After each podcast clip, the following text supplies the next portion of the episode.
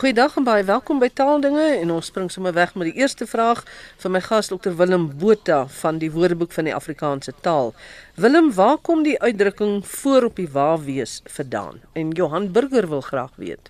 Ja Johan, ek het self nie baie seker gewees het toe ek my oom gevra wat in Oudtshoorn groot geword het op die plaas wat nog weet van waans. Hy sê die drywer het op 'n spesiale bankie vir hom en sy assistent gesit voor op die wa en die bankie was as dit ware gereserveer vir die drywer en sy assistent om sommer self daar te gaan sit. Dit was onbehoorlik, jy het dit nie gedoen nie as jy nou nie een van hulle twee was nie. En dit kan amper vergelyk word sê met 'n vlieënier se kajuit. Jy kan nie sommer ongenooid net instap nie. Die assistent moes natuurlik nou afspring gou om die tye te stel of hekke oop te maak.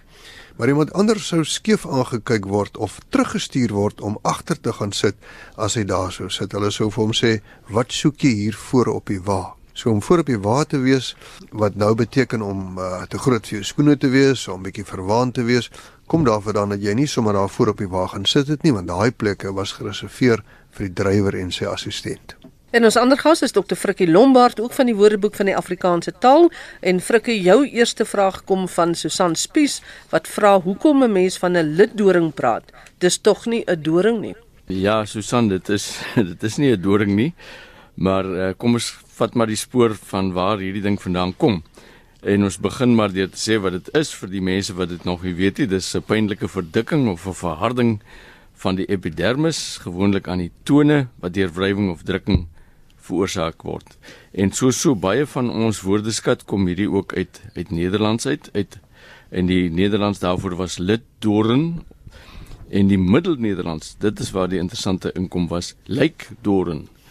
Nou daardie Nederlands liddoorn het deur volksetimologie ontstaan uit likdoorn en die ouer dialektiese vorm lykdoorn. En die eerste lid van die samestelling is verkeerd vertolk omdat die gebruikers nie besef het dat lyk in ouer Nederlands liggaam beteken nie. Nou lykdoorn beteken dus letterlik doring aan die liggaam.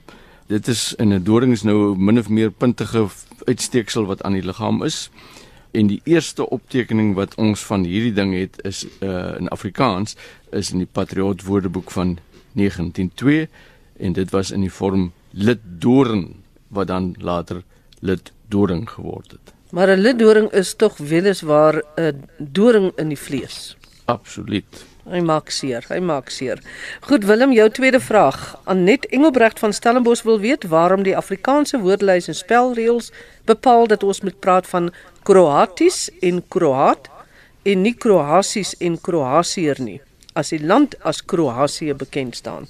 En dit uh, daar lekker sit en koffie drink op een van Stellenbosch se baie sypaadjie koffie drink plekke toe sy my gekonfronteer het met hierdie vraag. Sy het my nader geroep.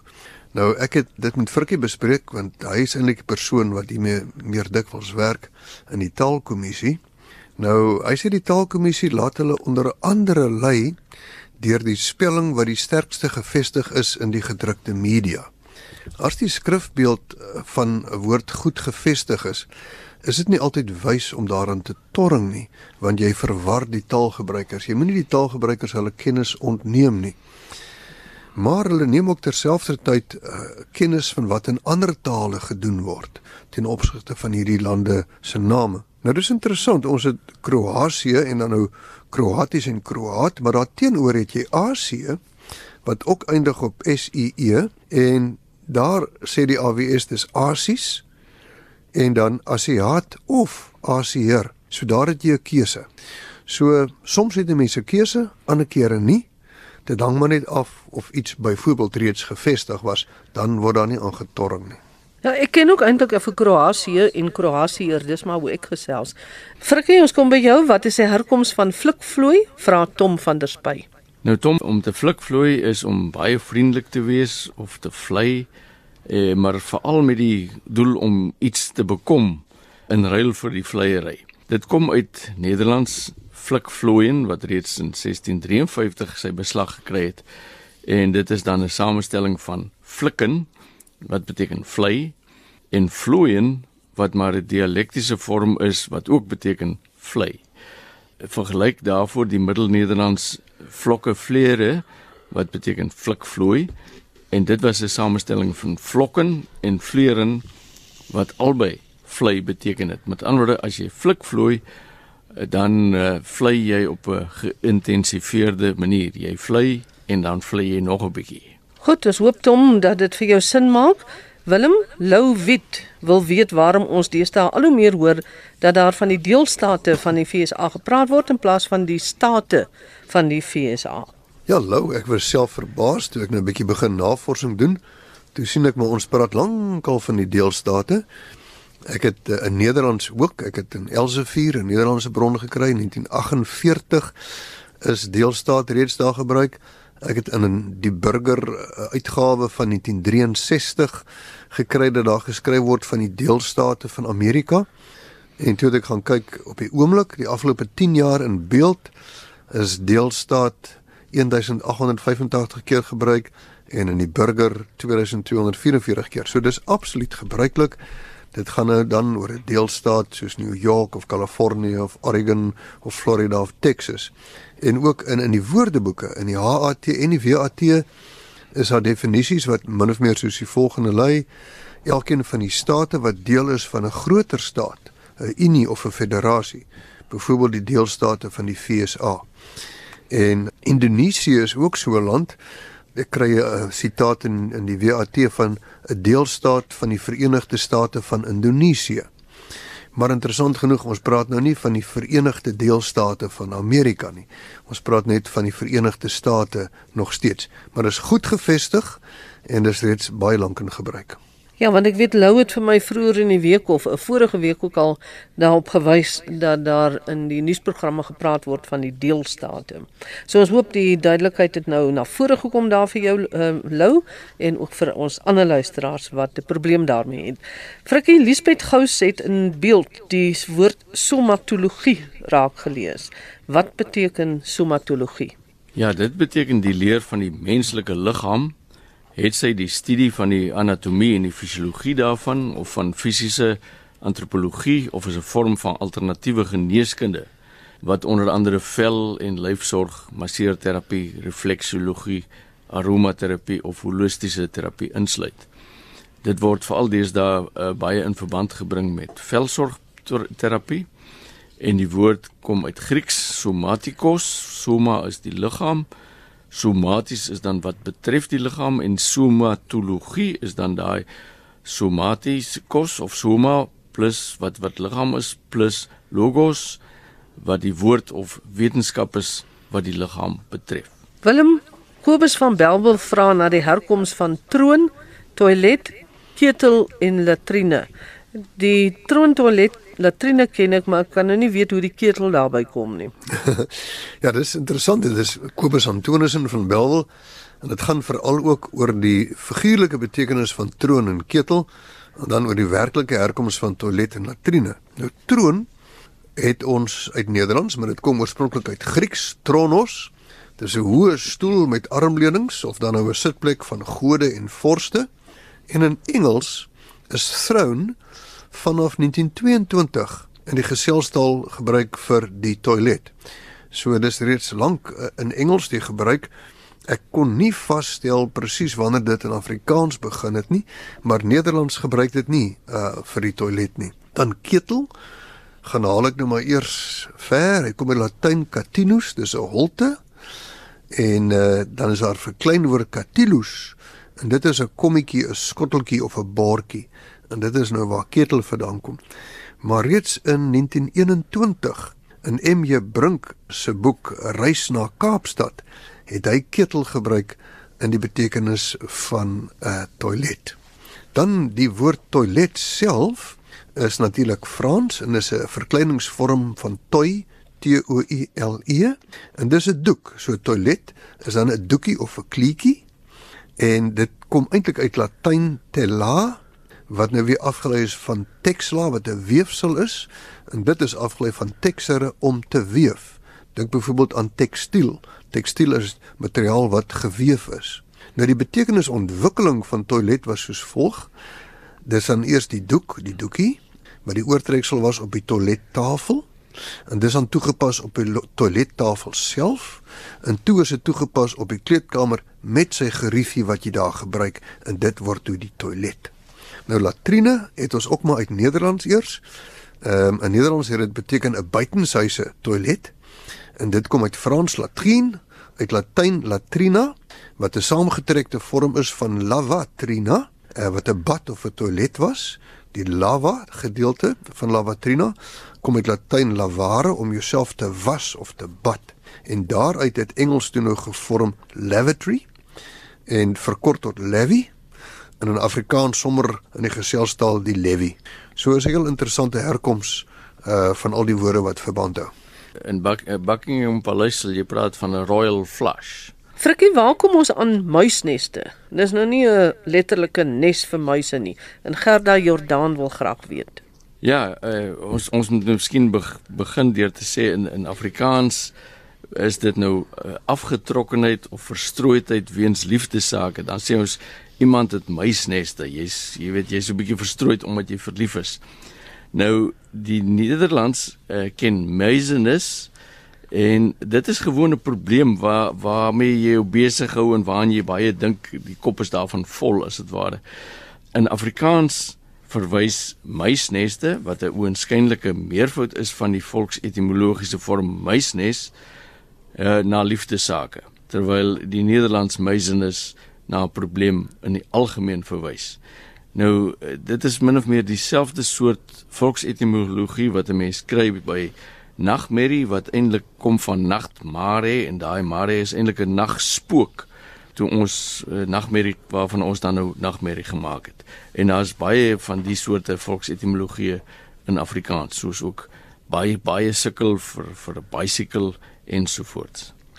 Sou mens uh, sê dat daar 'n Afrikaanse poging aangewend moet word om van hierdie uh volkswoorde ontslae te raak en te verander na die korrekte woord te gaan of is dit 'n aanvulling tot ons taal? Ag, ek dink dit is dit is 'n aanvulling, jy weet, almal almal verstaan wat 'n nagmerrie is. Al het 'n mens nou die herkoms 'n bietjie in die vorm van 'n nagmerrie uh ontken. Maar dit is so ingeburger, ek dink dit is uh volksetimologie is wat my betref baie keer ook 'n aanvulling tot die taal. Soos muisneste. Ja. Goed, Willem Rodney Edgecombe vra dat ons gesels oor die gebruik van opvang in die sin van inhaal en hardloop soos in die voorbeeld hy hardloop twee maatskappye of dan nou kan mens seker ook sê hy hol twee maatskappye. ja. Ehm um, Rodney is 'n bietjie ontstel, maar dit gaan eintlik oor die gaste wat uh op die geselsprogramme kom. Hierdie was geldsaake in Spectrum op die radio. En uh dit het hom bietjie ontstel en ek dink hy is heeltemal reg. Opvang as jy opvang gebruik in plaas van inhaal, is dit eintlik na die Engelse model en ek het gaan kyk in die WAT. Daar is 'n duidelike betekenis aanduiding nommer 5A na die Engels to catch up om in te haal. En dit gaan daaroor iemand wat iemand anders ingehardloop het ek het hulle opgevang. Dan moet ons eintlik sê hy het hulle ingehaal. En daar's nog so 'n betekenis wat ons uh, opvang in gebruik om op hoogte te kom van sake.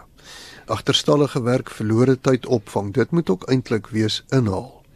En Rodney is heeltemal reg, dis twee dinge wat byvoorbeeld nie in Nederlands voorkom nie. Dit het in Afrikaans ontstaan omdat ons so naby aan Engels leef, omdat ons elke dag langs Engels leef kruip die goed in in Afrikaans.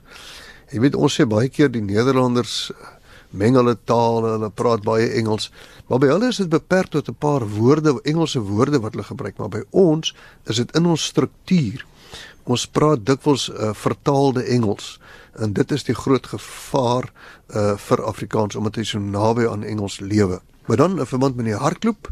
Ja, Rodney stel dit baie mooi. Hy sê mense gebruik hardloop oorganklik terwyl hardloop gewoonlik nie oorganklik gebruik word nie, soos in ek hardloop twee besighede.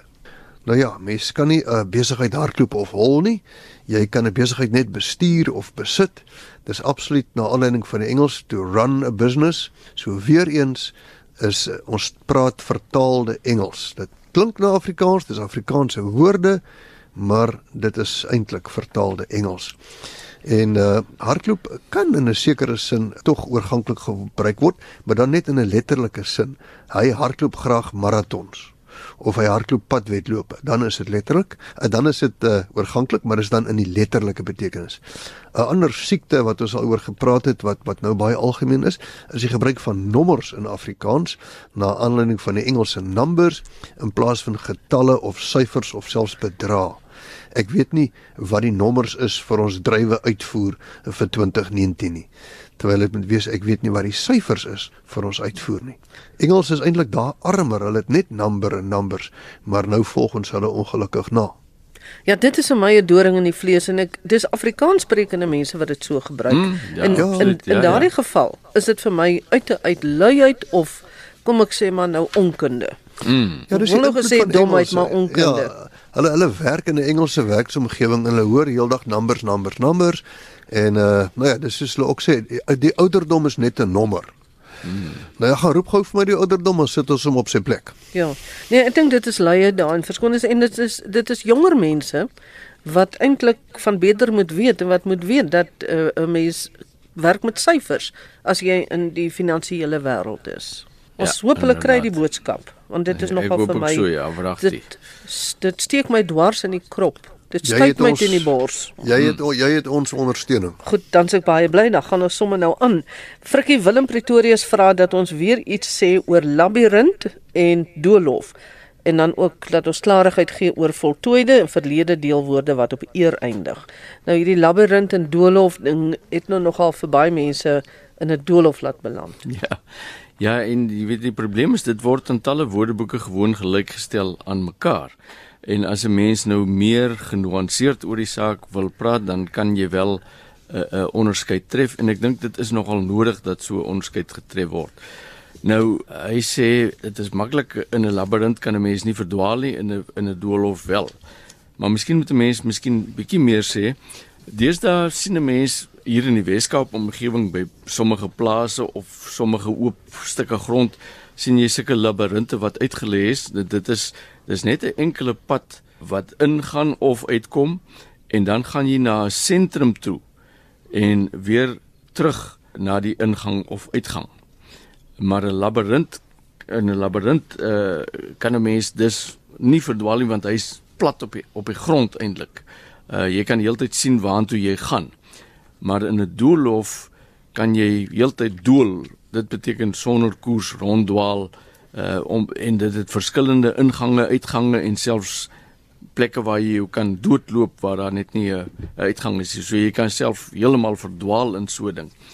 Wat interessant is is dat die labirint is eintlik 'n uh, antieke simbool van heelheid of ongeskondenheid en dit kombineer dan 'n sirkel en 'n spiraal as dit ware in 'n doelgerigte kronkelpaadjie en dit verteenwoordig volgens sekere mense 'n reis na jou innerlike self en terug ook weer na die wêreld. Labirinte word al vir baie lank gebruik as 'n plek van meditasie of gebed.